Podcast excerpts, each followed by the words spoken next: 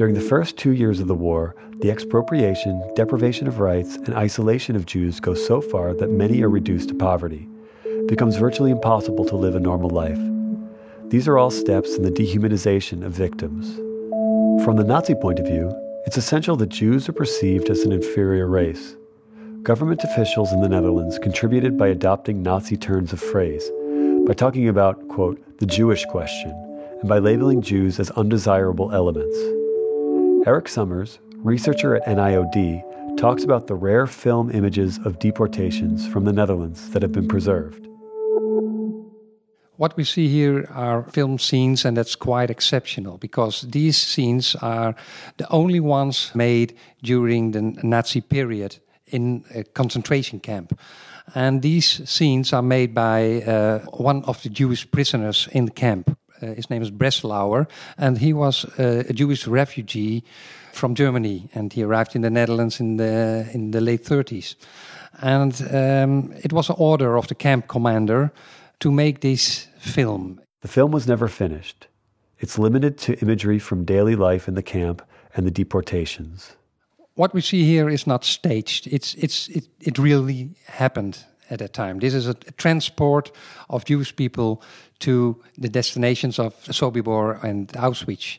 And um, you can see the people who are entering these, these cattle wagons, wagons who are used for cows or, or, or other animals uh, normally, are now used for transportation of these people to these concentration camps. And, and, and, and that makes these, these things really horrible to see. And um, it's not this, this film is not made for propaganda ends. The commander just wanted to make it as a kind of memory of this time, and. Uh, during these uh, during the Nazi period, there were plans actually to make a kind of propaganda film, and that's the concentration camp Theresienstadt.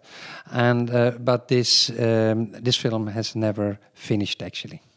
In the next excerpt from the interview project, Sal de Liema talks about his deportation from Westerbork. On September the 2nd, 1944, the last transport, the last transport from Holland to Auschwitz, and we were taken that day. In our transport were, was also the Frank family from Anne Frank and her parents. They were caught in Amsterdam in August 4, one day earlier than we were in The Hague. And with those people, we went to Auschwitz. Now, this is what I want to tell you. If you want me to tell, you want to, you want to hear what is. We were in what they call cattle cars. We were there. There was actually no place to sit. There was a bell there, and in that barrel you could do whatever you had to do. I think we have around 30 or 40 people in a cattle car. And there was a lady standing next to me, a Dutch lady, and she said, Do you know where we are going? I said, I have no idea.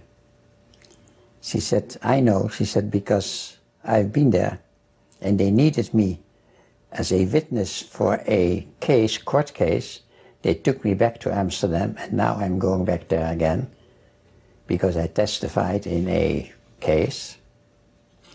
And we, go we are going now to a place they call Auschwitz. That was the first time I heard I said, What is that? Oh, she said, As soon as we arrive, 90% of all our people here are going to be killed right away.